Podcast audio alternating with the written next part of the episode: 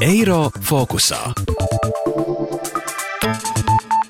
Lauksaimniecības tirgus veicināšanas centra vadītāja Inguna Gulbe stāsta, ka pērnā gada nogalē samazinājās lielopu un cūgaļas cena.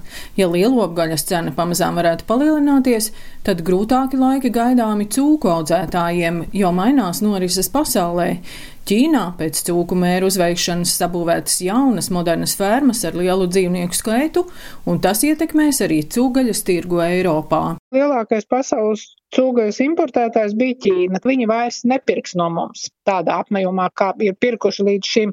Un arī Eiropa noveco vecākā paudze ir tā, kas ēd cūgaļu jaunā, vispār veģetārieši, vegāni, bet varbūt tītaru vai vistu tikai ēd. Graudiem vēl joprojām ir augstas cenas, un tas nozīmē, kā piemēram olai, vistu gaļai, nav pamata kļūt lētākiem, jo tur ļoti daudz barībā ir tie graudi iekšā. Cukuram prognozē drusku cenu kāpumu uz augšu, dažiem kafijas veidiem cena ir pagājusi uz leju. Dārzeņiem cenas ir zemas, tāpēc, ka no lauksaimniecības viedokļa bija labs gads, nebija ne pa karstu, ne pa augstu, nebija pa sausu, pa slapju, viss bija labi. Un visā Eiropā ir labas dārziņu ražas, bet pienam arī bija nokritusi cena. Tāpēc, ka piens gaļa tie ir produkti, kurus ļoti daudz izmanto sabiedriskā ēdināšana, restorāni, viesnīcas, skolas, turisms bija apstājies, tas pieprasījums bija strauji samazinājums, bet gada beigās jau sāka parādīties kustība biržā, sāka jau notikt pirmie tādi nākotnes darījumi, cena vairākiem produktiem pagāja uz augšu. Inese Stičīnska, kokneses novada kokneses pagasta zemnieku saimniecībā bļodiņas, audzē 20 govis.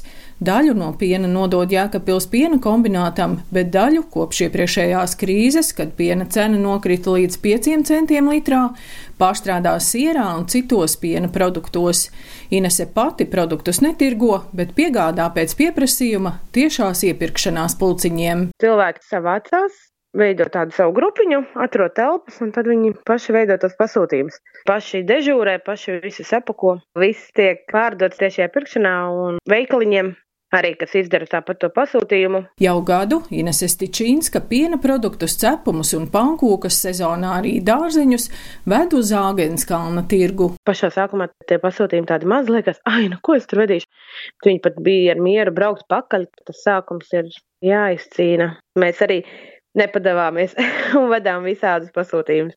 Ja jau tu strādā no sirds, tad jau vajadzētu būt, ka tas, ko tu saražo, arī garšo kādam. Ar šo Covid, es domāju, daudziem cilvēkiem arī būs mainījušies ieradumi. Es domāju, ka cilvēki sapratīs, ka to arī saplānot savu budžetu un tādas bezjēdzīgas došanās uz veikalu, tas ir lieka tēriņa.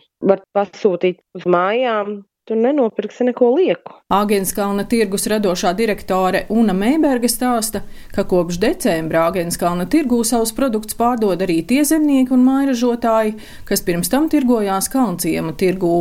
Āgenskalna tirgus strādā no otrdienas līdz svētdienai, izveidots arī Āgenskalna tirgus interneta veikals. Mums ir svarīgi, lai būtu tas, kas cilvēkiem tajā brīdī tiešām ir aktuāli, piemēram, tur svaigi cepta maize, un tāpat mums ir svarīgi, lai piegādātāji mums ir lojāli un piedāvā kvalitatīvu preci. Un mēs arī kopš pavasara pirmā Covid viļņa esam izveidojuši tirgu internetā, kur ir iespēja iegādāties visus produktus, kas ir tirgu un vēl daudzus citus.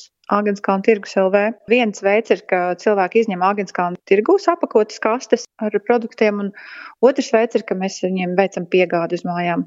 Rīgas robežās tieši tas, ka tirgus notiek arī virtuāli, attīstīsies daudz un dažādos veidos. Un nākotnē mēs arī rēķinamies ar to, ka liela daļa tirzniecības saglabāsies internetā.